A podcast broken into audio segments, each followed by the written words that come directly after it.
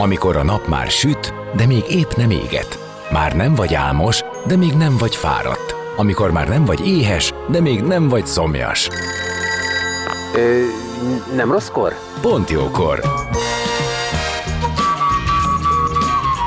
Fényterápia Fehér Mariannal a Rádiókafén.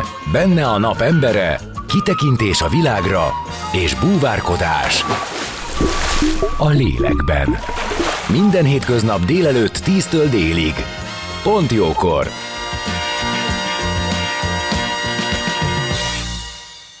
Szép napot mindenkinek! Már is kezdődik a Pontjókor, és Ottlik András szinkrontolmács, fordító nyelvtanára napembere, aki Ottlik Géza író leszármazottja. Az adás első felében beszélgetünk az íróhoz fűződő kapcsolatáról, majd rátérünk az ő dolgaira is. A rendszerváltás idején, ahogy a nyugat betört, könnyen forintosíthatóvá vált a nyelvtudás, főként, hogy a hirtelen megnőtt igényt ki sem tudták szolgálni. Szóval a tolmács szakma idézőjeles megjelenéséről, a kezdeti csetlő-botló, de jól kendőzhető lépésekről, és természetesen a mostani helyzetről is beszélünk. Zene után már is kezdünk, maradjatok ti is! A napembere. Most jöjjön valaki, aki tényleg valaki.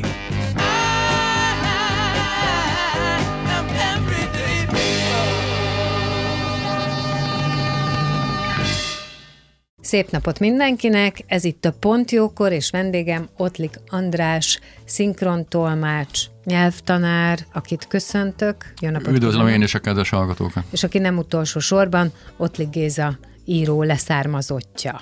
Ha kicsit közvetetten is, de valóban. Hát a névazonosság megvan, úgyhogy innentől akár magára is mondhatjuk, de nem, ennél azért egy picit szorosabb volt ugye a kapcsolat, de amennyire tudom, neki közvetlen leszármazottja nem volt. Így van, neki nem voltak gyerekei. Olyan időszakban élt, amikor nem volt nagyon könnyű annak a sorsa, akinek még gyereket is kellett nevelni, hát ne felejtsük el azokat a viharos éveket, évtizedeket. Nyilván sokaknak volt, ő neki nem, de tulajdonképpen nem vágyott sose gyerekre, nem tudjuk, hogy ő, ő fájlalta volna azt, hogy gyerektelen életet él. Igen, és ha jól tudom, akkor ugye az ön családjában volt egy első unokatestvér, akivel ő kapcsolatban volt, és így ismerte ön is, és volt is valamiféle... Ó, igen, igen, a, a nagypapámnak, az apai nagyapámnak volt első fúkónak az testvére, és uh-huh. gyerekkori játszótársa barátja. Tehát valószínűleg az ő szüleik azok testvérek voltak. Így, így pontosan. És, és hát, a Ottlik név. Így van, így van, és a ö, nagynéném révén volt egész sokáig jó kapcsolatunk. A nagynéném volt a családi kapcsolatápoló, és meg is hívta nem egy alkalommal, úgyhogy én tényleg egész jól ismertem Gézát. Mi az emléke róla? Arról, hogy ő milyen ember volt, milyen, volt-e ő történetmesélő a magánéletben is? Igazán nem. Volt néhány nagyon szoros barátja, ugye tudjuk, hogy Nemes Nagy Ágnest sem nagyon szerették egymást. Most is Fánnal egy majdnem héjanásznak nevezhető, kiabálós, de nagyon szoros és mély barátsága volt. De Fekete Istvánnal jó kapcsolatban volt.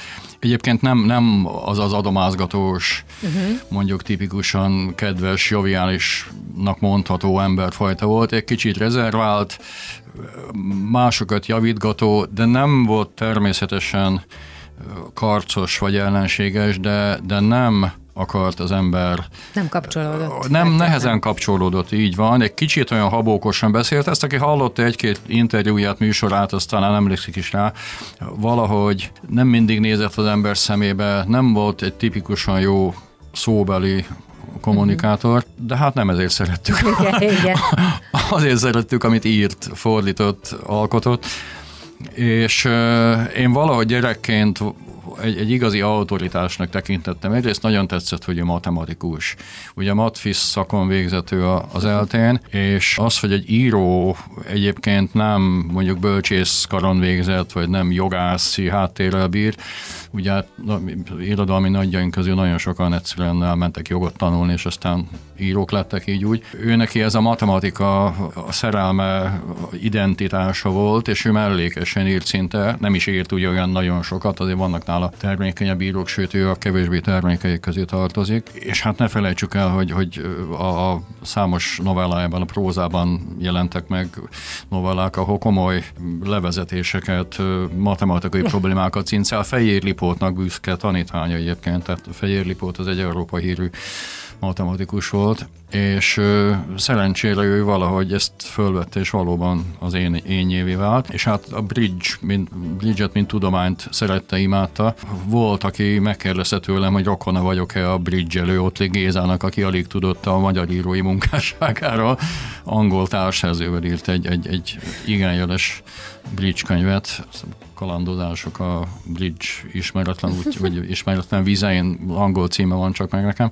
Minden esetre az is hát egy nagyon komoly matematikai alapokkal, matematikailag modellezhető játék. Magyarán ő egyébként inkább matematikus volt, és abból lett író, mint hogy író lett volna, aki amúgy konyított a matematikához. Igen és nem, mert azt tudjuk, hogy nagyon korán már nem volt még tíz éves, mikor már firkálgatott, és ilyen kis apró jeleneteket csinált, azt szintén mesélte egy mosolya, hogy hát ő már alig tudott írni, de már, már valamit uh-huh. alkotni akart, amikor még nem tudta, hogy matematikus lesz, sőt, az is egy vicces történet, hogy ő azt hiszem, hogy magyar-francia matematika tanár akar lenni, és aztán mondták neki, hogy, hogy ez a három így nem fér össze, ugye hát Pesten, Magyarországon volt bölcsészkar, meg volt természettudományi kar, úgyhogy ez így, így nem, nem volt megvalósítható, mondták neki, úgyhogy szépen húzza ki a matematikát, és akkor mind azos gyerek kihúzta a, a magyart és a franciát, és, és lett matek fizikus és hát így állt tulajdonképpen egész más pályára, mint amire készült. De, de úgy tűnik, hogy ezzel találta meg az igazi ényét. Nyilván az élete vége felé is kapcsolatban voltak, Igen. ahonnan már ő egyedül volt, ugye? Tehát volt egy pont, ahonnan ő egyedül maradt. Igen, igen. Azt nem is tudom, talán utolsó 7-8 évét élte egyedül özvegyként, és úgy tűnik nagyon-nagyon kellett neki Gyöngyi, Debreceni Gyöngyi, akivel még egy könyvet is írtak, egy mesegyűjteményt, talán Garabó Gereben címmel, számos népmesét dolgoztak föl, és tettek nagyon emberközelévé, mindenképpen az a kelték alkotása, de érzelmileg és emberleg is nagyon-nagyon függött tőle, nagyon szoros kapcsolat volt, és és mikor ő meghalt, akkor ő szinte egy vajas kenyeret nem tudott megkenni magának, és teljesen elhagyta magát. Hmm. Emlékszem, hogy nagynéném, aki, akivel mondom, nagyon jó De kapcsolatban volt. úgy érti, hogy maga a fájdalom, a gyász okozta ezt, vagy tényleg az egész életében valaki mindig gondoskodott róla, és ezért, vagy ez is Én is. azt hiszem, hogy mind a kettő. Tehát mm. egy, egy gondoskodó szeretetet kapott Gyöngyitől, kellett, hogy valaki ott legyen, és aki segítsen neki, de valahogy ugye hát főleg abban a korban tényleg a női volt a konyha és a háztartás igen, igen. eleve, és ilyen módon ő nagyon függött Gyöngyitől, tehát most lehet, hogy vajaskenyeret meg tudtak kenni, de Értem, hogy egy vacsorát nem tudott megcsinálni, az biztos. Meg hát feltétlenül akkor érzelmileg is, tehát kiüresedett az élet, és nem nagyon volt akkor mihez nyúlni. Semmihez gyakorlatilag. Tényleg? Volt, hogy, hogy próbáltam fölmenni hozzá, és nem engedett be az Attila úti lakásában, ugye 45-ös számban ö, halt meg, és ö, nagynéném karácsonykor hogy beiglit akart neki küldeni, és én vittem volna föl, és ezt nem tudtam bejutni hozzá, és aztán telefonáltam nagyon sokszor, és akkor végül fölvette, és elmondta, hogy nagyon köszöni, hát együk meg az ő egészségére, de hát ő köszöni szépen nem. Hmm. És nyilván nem. Ez, igen. igen, szomorú voltam, persze nem, nem haragottunk semmilyen módon, csak, csak Ez gyerek... inkább szomorú, igen. Nagyon szomorú volt, így van, és lesújtott engem az, hogy, hogy valaki láthatóan egy ilyen kedves gesztusra sem nyitott, és hogy akkor ott nagy baj lehet, éreztem Igen, ezt az egy elég erős elmagányásodás, igen, igen. Pontosan, igen. Tehát ezzel pont az, hogy az is nehezére esik, hogy fogadjon egy ilyet. Igen, ez, igen. Az igen, hát ez az elmagányosodás, és igen. ez nagyon nehéz, főleg az egyedül létben, amikor mindenhonnan, mindenhonnan valaki így, így kiesik. Mm, és amikor ő, mennyi idős volt, amikor ő elment, és ez így családilag milyen hatással volt? Mi akkor már kevésbé voltunk vele kapcsolatban, tehát én az Pont utolsó emiatt? éveiben, nagy részt emiatt, igen, igen. Nagynéném próbált pár alkalommal részben pont az ő helyzetére való tekintettel kvázi baráti kezet nyújtani neki, meghívni, de tulajdonképpen nem reagált már. Úgyhogy én a sajtóból értesültem.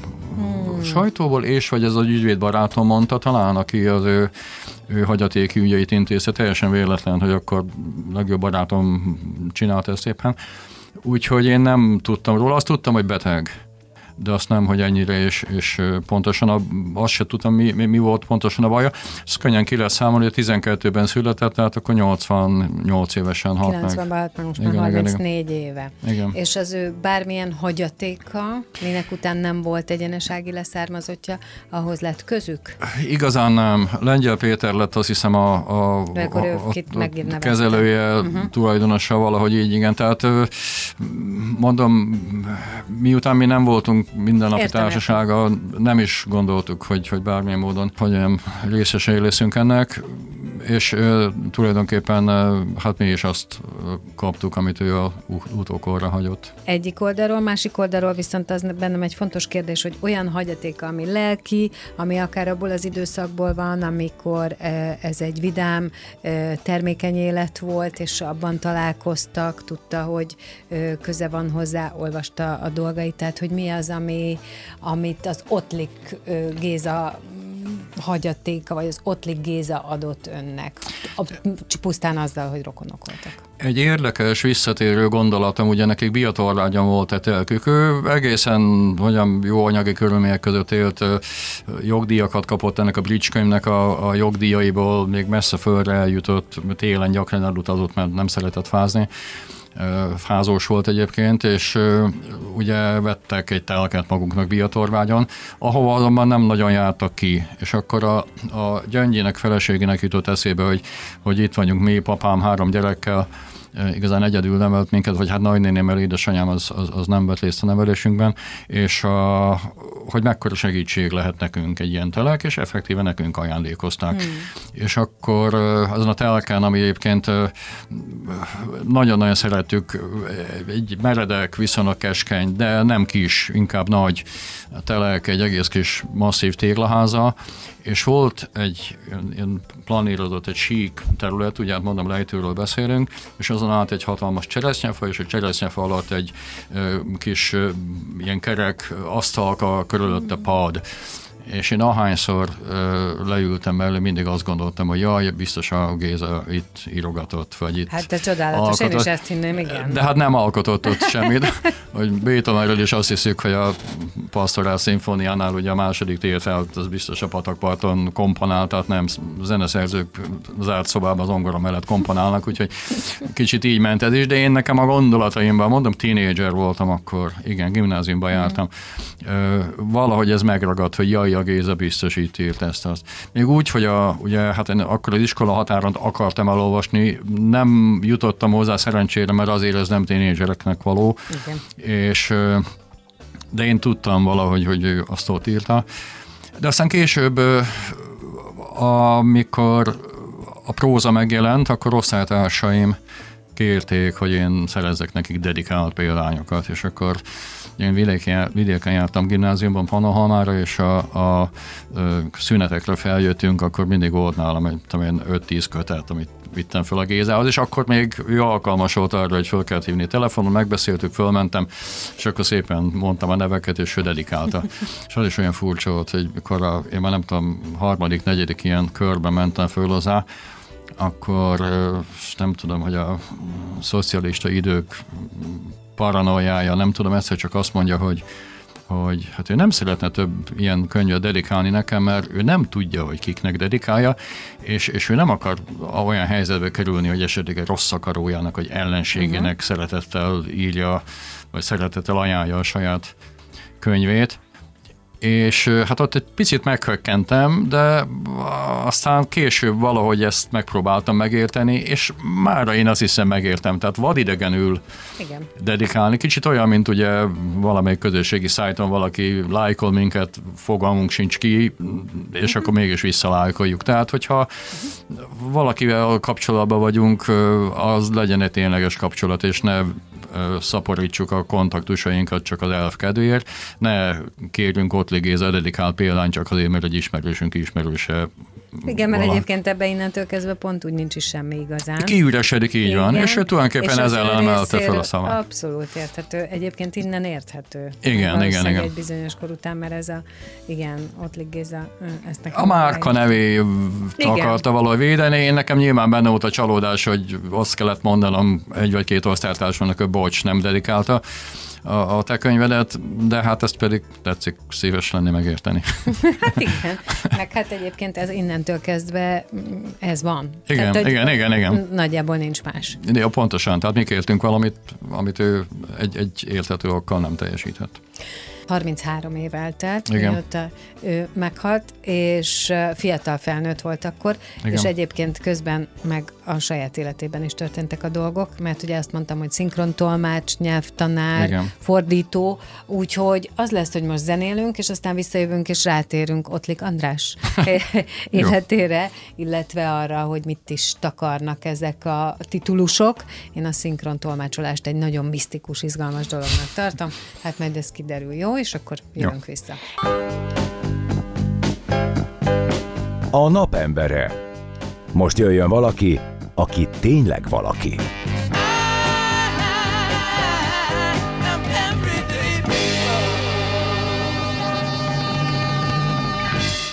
Szép napot mindenkinek! Már is folytatjuk a Pontjókort. Vendégem továbbra is Ottlik András, szinkrontolmács, fordító, nyelvtanár, és hát nem utolsó sorban Ottlik Géza leszármazottja. Erről beszélgettünk most hosszan, erről a kapcsolatról, hogy hogyan emlékszik rá vissza, milyen volt ez, és azt mondtuk, hogy amikor ő elment 33 évvel ezelőtt, most már 33 évvel ezelőtt, akkor fiatal felnőttként épp talán a saját életét kezdte, saját önálló életét kezdte. Ez így van. Kíváncsi lennék, hogy ez a nyelvtanári vonal, a nyelv, a tolmácskodás akkor is benne volt a levegőbe, vagy ez később jött? Tulajdonképpen azokban a hónapokban, években alakult, ugye a, a, a rendszerváltás hónapjaiban halt ő meg. Ja és igen, ez 90, mert ő hát 90 igen. októberében halt Igen, meg, igen, és hát és má, márciusban kiáltották ki a köztársaságot valahogy úgy tavasszal az egész biztos, hát és igen. akkor hatalmas kapuk nyíltak minden területen, felpesdült a gazdasági élet, és az angol nyelvtudás rettenetesen felértékelődött és mindenki, aki egy kicsit tudott angolul, az talált magának ügyfelet fordítani, tolmácsolni és ezért rengeteg kellett, a legapróbb kétsoros levelkéket is le kellett fordítani, és hát én is megtaláltam a saját ügyfélkörmet, és akkoriban alakult És az angol ki a... tudás onnan volt? Egyrészt nem volt akkor még bőséggel sem tökéletes, egy, közel sem tökéletes, ugye van a mondás, hogy amíg orvosból jó orvos lesz, megtelik egy temető. Hát a tolmácsolásra is igaz ez, hát nagyon sokan zöldfülűként ültünk oda a tárgyalóasztal mellett tolmácsként. Á, ugye, hát én bölcsészkart.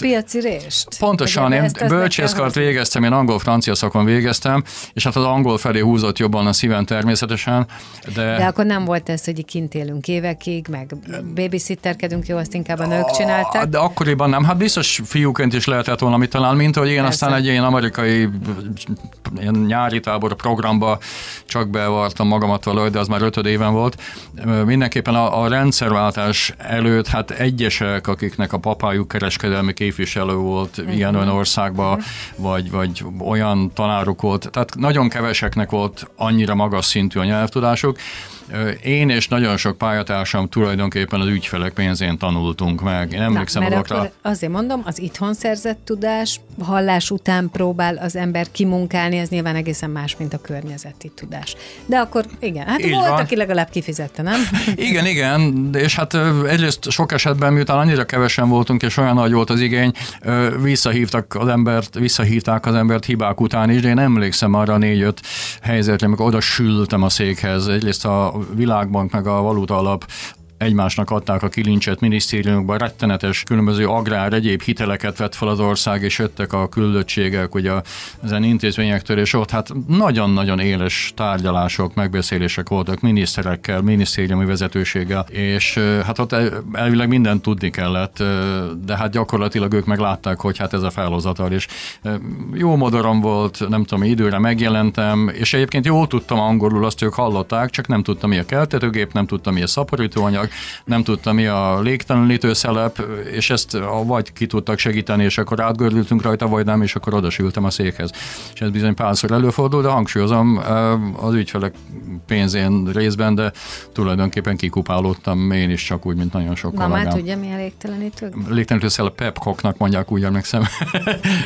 Egy kompresszor telepre is odavetett a sors, ahol néhány hónapot tolmácsoltam egy mérnöknek, és ott voltak ezek a Elképesztő. nyomó oldali szívószelep, meg nem tudom, és megvan ez a De azért maradjunk abban, is. hogy amúgy akkoriban való nyelvtanulás, és az, hogy valaki merje ezt használni, azért tök nagy bátorság. Tehát akkor azért, ha egy szót nem tudott, akkor elő a nem tudom, ország, Ó, igen. ugye?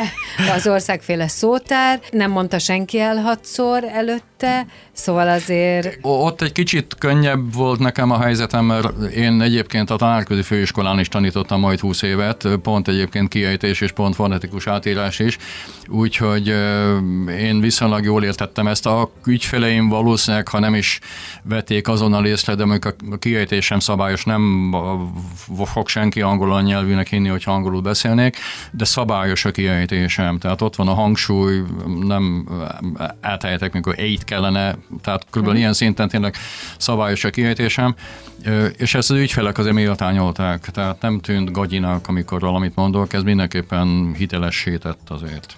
jó, de azért ez egy kemény, kemény út szerintem. Pár bátornak kellett lenni, de nagyon élveztem, nagyon szívesen Meg- emlékszem vissza. Meg ha jól értem, akkor ebbe a bátorságban az is benne volt, hogyha odasült a székhez, akkor is leült legközelebb. is. Igen, igen. Akkoriban visszahívták az embert. Egyébként érdekes, hogy hogy manapság, de már szerintem 10, inkább 20 éve, tulajdonképpen az ügyfelek is nagyon megtanulták, mi jár nekik a pénzükért.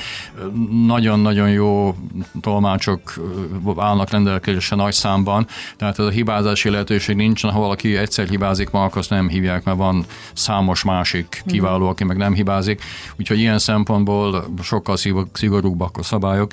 Ma már nem lehetne olyan vadnyugatos stílusban hozzáfogni, mint ak- akkoriban lehetett. A szinkron tolmácsra én azt mondtam, hogy ez egy olyan misztikus dolog. Nyilván sokan hallottak, láttak már ilyet eseményeken, amikor ott ül egy kis kabinban a tolmács, és adott esetben mindenki felveszi a fejhallgatót, és mondja arra egy magyar nyelvű, egyébként abszolút szak eseménynek, vagy szaktudás. Szakterületnek, igen. Szakterületnek, tehát a műhely speciális nyelvtudás is kell annak a mondandóját az előadó után, én nem is tudom mennyivel. Tehát mint... A pár mas- másodperc csúszással, igen, igen. Valaki kicsit gyorsabban, kicsit lassabban, de Na, ez- mindennek el kell hangoznia természetesen. Ez egy nagyon óriás koncentrációnak tűnik. Én azt is mondom, hogy biztos vagyok benne, hogy egy megváltozott tudatállapot, hiszen szerintem csak arra koncentrálhat.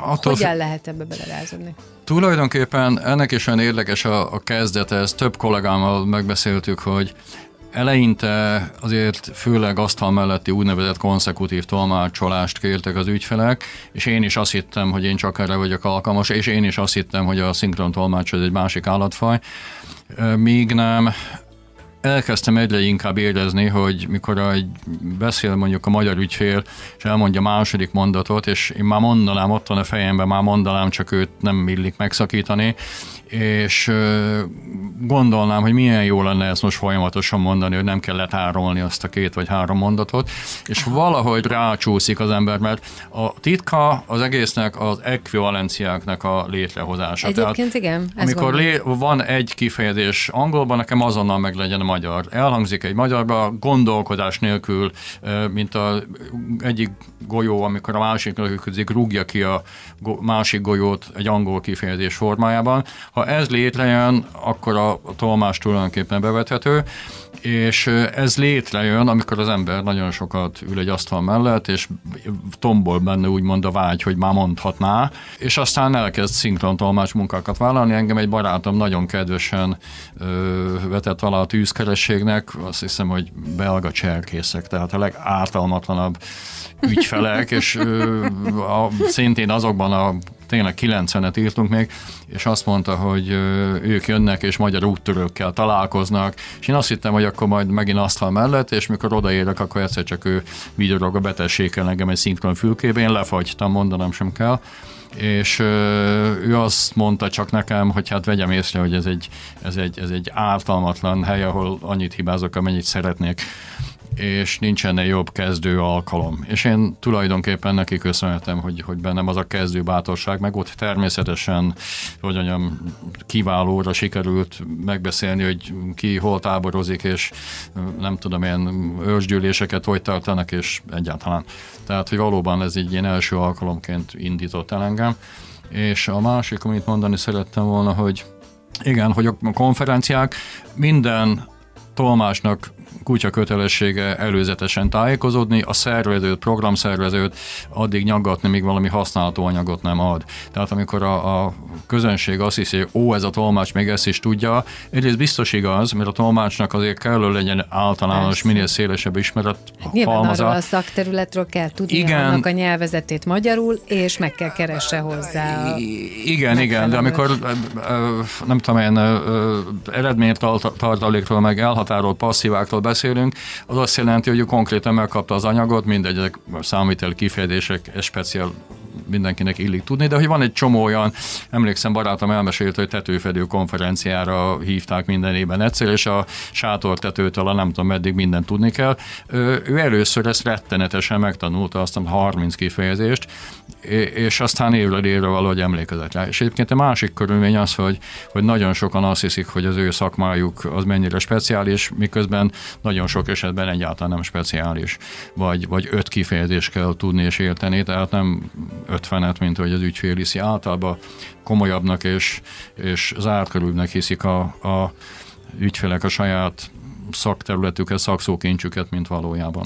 Én azt gondolnám, hogy egyébként első körben, és én innen indultam volna, hogy annak a képességnek meg kell lenni, hogy tud gondolkodni a, azzal párhuzamosan, miközben felfogja azt, hogy valaki beszél. De egyébként ez magyarról magyarra is szerintem kell. Tehát, hogy ugye Nyilván. A, a, az, ez, ez, Nyilván. ez szerintem egy olyan skill, ami nem nélkülözhető, és ez vagy van, vagy nincs. Nyilván, Én azt gondolom. Nyilván igen, sőt, hát ne felejtsük el, hogy két igen azonos nyelvet beszélő ember is félreérti egymást. A jó tolmács az, hogyha mondjuk elég szoros kapcsolatban az ügyfélel, és érzi, hogy erről fel van hatalmazva szó kimondva vagy nem kimondva, akkor lehet, hogy ő rajta kapja a beszélőt egy nem logikus vagy nem pontos kifejezése. Ma voltam egy beszélgetésen, hát tolmácsoltam konkrétan, ahol a felszámolást és a, a fizetésképtelenséget cserélte fel az egyik kollégám. És én kellett, hogy közbeszóljak, hogy ho-ho, ez még csak fizetésképtelenség, nem mondta, hogy felszámolás, majd ajaj, bocsánat. Ho-ho. Nyilván közeli fogalmak, és nyilván nem vitte félre a beszélgetést, de van, hogy félreviszi egy ehhez hasonló beszélgetés, vagy van, hogy valakinek a nevét nem csatolom egy, egy felsoroláshoz, és megbántódik, ha mondjuk köszönetnyilvánításoknál egy szervezetnek a nevét lehagyom, vagy rosszul mondom, volt úgy, hogy egy ö, ö, ilyen fitness eseményen tolmácsoltam, és a, a meghívott nagyon komoly vendég ö, nem a szervezőnek és egyébként a fő szponzornak mondott köszönetet, hanem ott látta maga előtt a Konkrét Sport Egyesületnek a, a feliratát, és, és azt próbálta elolvasni. Én tudtam, hogy nem nekik jár a köszönet, és én fejből mondtam a szervező cégnek a nevét, aki a lábamhoz borult köszönettel, Tehát ez nyilván legyen meg egy tolmásnak. Ez egyrészt intelligencia, alapvető üzleti érzék, de nyilván van ilyen funkciója is egy, egy jó tolmásnak. Én szeretnék magamról is ezt hinni. A nyelvtanári rész az hogyan működik? Tehát csoportba tanít, valahol tanít, magántanít? Tulajdonképpen egészen véletlenül a Fordító Szövetség, Tolmás és Fordító Szövetségnek a, a, a levelező rendszerén mennek körbe néha üzenetek, és ott valaki egyszer földobott nyelvtanul, angol nyelvtanítást, és én egészen szerettem tanítani, nyilván nem tanítanék bárkit bárhogy, nyilván nem kezdenék el, hogyan kezdőket tanítani.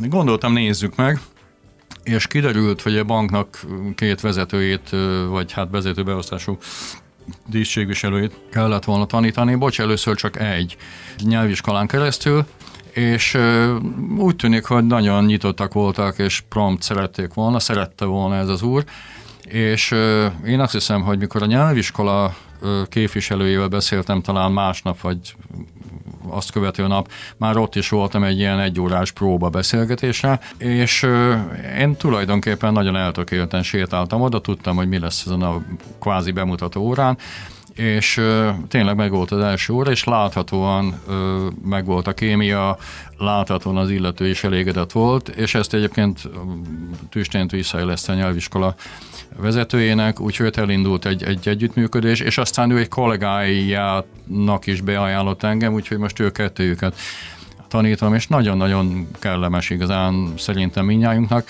Hát ott, hogyan különböző hát plusz elfoglaltságaik miatt sokszor elmarad az óra, de, de akkor is vannak a hétnek adott időszakai, vagy hát időpontjai, amikor, amikor elvileg óra van. Társalgási órák, én nekem az a feladatom, hogy, hogy olyan témákat vessek föl, olyan gyakorlatokat javasoljak, és rövid videót nézünk, megbeszéljük, mondatokat leírni belőle, vagy fölvetem és megkérdezem, hogy a nem tudom én, a villanyautókról, vagy a hidrogén meghajtású autókról, ilyesmiről mindenkinek van valamilyen véleménye, és számtalan más, az a lényeg, hogy beszélgessünk. És akkor én közben így javítom, úgy javítom, hogy ha, elcsípek valamilyen gyakoribb félreértést, tévedést, akkor arra ráutazunk és csinálunk rá külön gyakorlatokat. Teljesen személyre szabott dolog kell mondanom.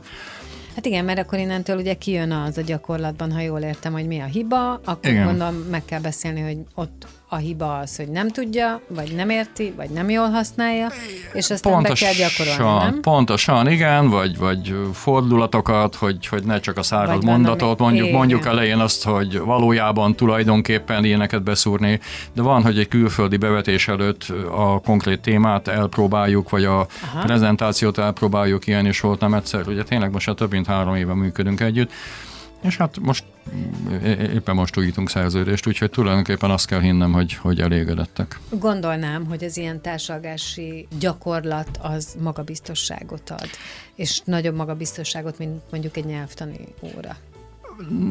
Nem tudom, nyilván azért itt is, itt is nagyon oda kell folyamatosan figyelni, akkor is, ha más módon. Itt azért a folyamatos kommunikáció fontosabb. Gimnáziumban kiavítanám, hogyha ezt az időt használja, és nem azt. Uh-huh. Itt azért sokkal kevésbé teszem, hogyha ha érthető gondolatmenetben kommunikál, akkor, akkor nem szólok bele, hiszen tényleg az ő magabiztosságát sem akarom megdolgozni. Hiába két magabiztos emberről van szó. Nyilván, hogyha én folyamatosan közbeszólnék, a, miközben angolul beszélnek, nem, nem lennének elégedettek velem, tehát nekem az a elsődleges érdekem, hogy őket folyamatos gondolatmenetek kibontására tanítsam ebben, segítsem őket. Más az élet, mint egy gimnázium óra. Én gimnáziumban nem tudom tudni őket tanítani. Igen, ez lett volna a következő kérdésem, hogy vajon az menne hogy fiatalokat másfajta módon. Nagyon meg van határozott, meg van kötve az ember keze, hogy mit szabad, mit nem, illetve konkrét órán meddig kell eljutni, az egész fél évben meddig kell eljutni kislányomat tanítja most valaki olaszra, akiről tudni lehet, hogy nagyon jól tud olaszul, de nem, nem képzett nyelvtanár. Ők nagyon szeretik, de, de látszanak az ebből fakadó problémák. Hát nyilván kompromisszumot kellett kötni ezzel a helyzettel. Én kicsit ugyanígy lennék, hogy én, én kedves, aranyos, angolul valószínűleg jó tudó tanár lennék, de, de nem biztos, hogy én szívesen csinálnám a 49. oldalon a hatodik gyakorlatot úgy, ahogy ott elő van írva de, de tanítani amúgy pedig nyilván szeretek. Van más nyelv is, amiben ilyen jó? Nyilván az angol az első munkanyelvem, de hát mondom, angol-franciás voltam. Nagy fájdalmam, hogy a francia nyelvet az sajnos nem volt alkalmam igazán karban tartani. Németül beszélek, még egy pár év egész folyamatosan, most nemrég, vagy hát nyáron voltam kint Ausztriában barátaimnál, és ott kiderült, hogy azért sokszor meg kell állni mondat közepén, utána gondolni. Volt, hogy angolul kellett kimentenem magamat ott egy mondatból, tehát kicsit rozsdásodik az is, de mondjuk németül is azért még vállalható. Jobban tudok egyébként, folyékonyabban beszélek németül, mint franciául. És az egész egyébként a gyakorlás kérdés, tehát az ember használja, akkor kevésbé kopik, de nem használja, akkor vajon meg tud ennyire kopni? Meg tud sajnos. Én szerintem az én francia tudásom már alig visszahozható. Hiába... egyébként ez most úgy kell, a magyart is, ha nem használjuk, és nem, használ, nem figyelünk arra, hogy milyen szavakat, meg mennyire változatosan beszélünk, akkor nagyon le tud silányulni meg az anyanyelvünkön való kommunikálás. Igen, a, a gazdag szókincs sínni meg először, illetve a szókincs szűkül először össze, nem fogom tudni azokat a jelzőket, Igen. azokat a nem tudom én szinonimákat mondani, tehát szóismétlésekbe bocsátkozom. Ezek óvatatlanul vele járnak, de karban lehet tartani egy angol tudást. Én magam, aki hát tényleg egy idegen nyelvet dolgozom, csak én nagyon csodálom azokat, akik két-három, sőt néha több nyelvet úgy karban tudnak tartani, hogy beülnek egy szinkronfülkébe és, és színvonalas szolgáltatást nyújtanak. Én, én nem tudom, hogy tudnám ezt még egy nyelvvel, vagy tudtam volna annó, engem azért próbáltak hívni a francia uh-huh. tudásommal, és sajnos hát egy alkalommal csak francia munkát vállaltam, de szintén nem, nem volt nagy kockázat. Ha, ha éles bevetés lett volna valamilyen éles helyen, akkor nem vállaltam volna. És a francia az mára már kifejezetten azt mondja, hogy azt, azt, azt, azt bánja, Pincében rozsdásodik. Nyilván bánom. Oh, Próbálom reggelenként hallgatni egyébként. Reggelenként francia és német adók híreit hallgatom, és nagyon, vagy hát a reggeli műsoraikat, és nagyon nagy élvezetet okoz. De a franciát azt nem értem folyamatosan. Uh-huh. Hát nem is a legkönnyebb nyelv, azért ezt is tegyük hozzá.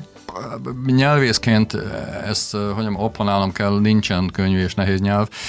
Tanultam franciát, úgyhogy én is opponálom. Nehéz. Négy évig jó, tanultam. Jó, nyilván van egy olyan helyzet, mikor már felnőttként tanulja az ember nyelvórákon, és van az, amikor a gyerek tanulja. A gyerek számára minden ugyanolyan könnyű, és én azt hiszem egyébként, hogyha már felnőttként osztályterembe tanuljuk, vagy magántanától, ott is azért vannak szakaszok, az angolt, azt mindenki könnyűnek hiszi, ott pont ugyanolyan nehéz. Az elején, az első szintekre eljutni angolban nagyon-nagyon könnyű, mert nincsen ragozás, mm-hmm. természetes nemek vannak, egyetlen névelő, tehát hogy ezek a kezdeti nehézségek az angolban nincsenek, de amikor az, amikor az ember egyrészt tényleg a kiejtés, ami az angolnál egy probléma, meg a megfelelő igeidőket rendbe rázza, addig azért nagyon sokszor megizad. A németben megtanulja a főnévragadást, igaragodást, meg a három nemet, cudar nehéz, nagyon-nagyon lassan gyarapszik a tudása, de hogyha ezt az első két-három évben szorgalommal maga mögött tudja, akkor onnan egyszerre csak nagyobb léptekbe, nagy léptekbe tud tovább haladni. A francia az valahol kettő között van ilyen uh-huh. tekintetben. Hát én tanultam mind a hármat, hagyjuk. Hagy, hagyjuk, hogy most hol tart. Ez, hogy melyik hol rozsdásodik, de igen, én azért is mondtam, hogy, hogy én abban hiszek nagyon, vagy nem így fejeztem ki, de hogy a, az idegen területen megszerzett nyelv. Az az aranyat ér nyilván, Azt hiszem, igen. hogy az az, ami igazán be tud épülni, meg igen, ami, igen, igen, fiatal korban. Igen, ahova van hova visszanyúlni. Mi az, ami a munkáján kívül kikapcsolja? Nagyon fontosnak tartom a mozgásportot, nem csak azért, mert nekem is ketyeg már az óra. Futni és biciklizni nagyon szeretek. Kirándulni, egy volt osztálytársam szervez most havonta kirándulásokat, egy volt még, de már a következő megvan, és neveztem rá. Erdőbe Magyarországon ilyen 10-20 km, pontosan 10-20 kilométeres séták. Ezt is nagyon fontosnak tartom, ezeket mind szívesen csinálom de unokatestvéreimet meg szoktam hívni pár havonta egyszer egy ilyen nagyobb bulira, mondjuk 7-8 vendégről beszélünk, de azt is na- nagyon szeretem, és most a jövő hétvégén pont jönnek hozzám egy fondű partira, és ott látjuk egymást, és hátba verjük egymást. Nagyon szeretem mindegyik unokatestvérem, a a hugomat, öcsémet külön-külön, az szintén egy ilyen kis helyi, helyi ünnep számomra. Tehát akkor magyarán elég aktívan éli az életét. Mondhatjuk, Tehát a szabadidőt is, abban is az aktív pihenés. Igen, sőt, a kislányom lovagol, és akkor hát őt elvinni a különböző lovardlákba, de volt, hogy Győrbe járt, most sóskutra. Úgyhogy az szintén egy program, és ott lehet lenni vele, és segíteni a paciknak a, a tisztításába, előkészítésébe, a nyerek szímek húzásába. Úgyhogy szerencsére van elég dolgom. Hát nagyon sok sikert kívánok a továbbiakban is, meg ugyanilyen tartalmas, vidám életet, és köszönöm szépen, hogy itt volt, és hogy hallgathattunk egy kicsi történetet az Otlik családról, Otlik Gézáról, meg közben megismerhettük azt is, hogy önnek milyen a munkája. Örömmel szolgált nekem, és köszönöm szépen, hogy itt lehettem. Ottlik András, szinkrontolmács, fordító, nyelvtanár volt a vendégem, aki egyébként Ottlik Géza leszármazottja, és a műsor elején őróla is, illetve a viszonyukról beszélgettünk. Zene, hírek, és jövök vissza, folytatódik utána pont jókor az életünk dolgaival, maradjatok ti is.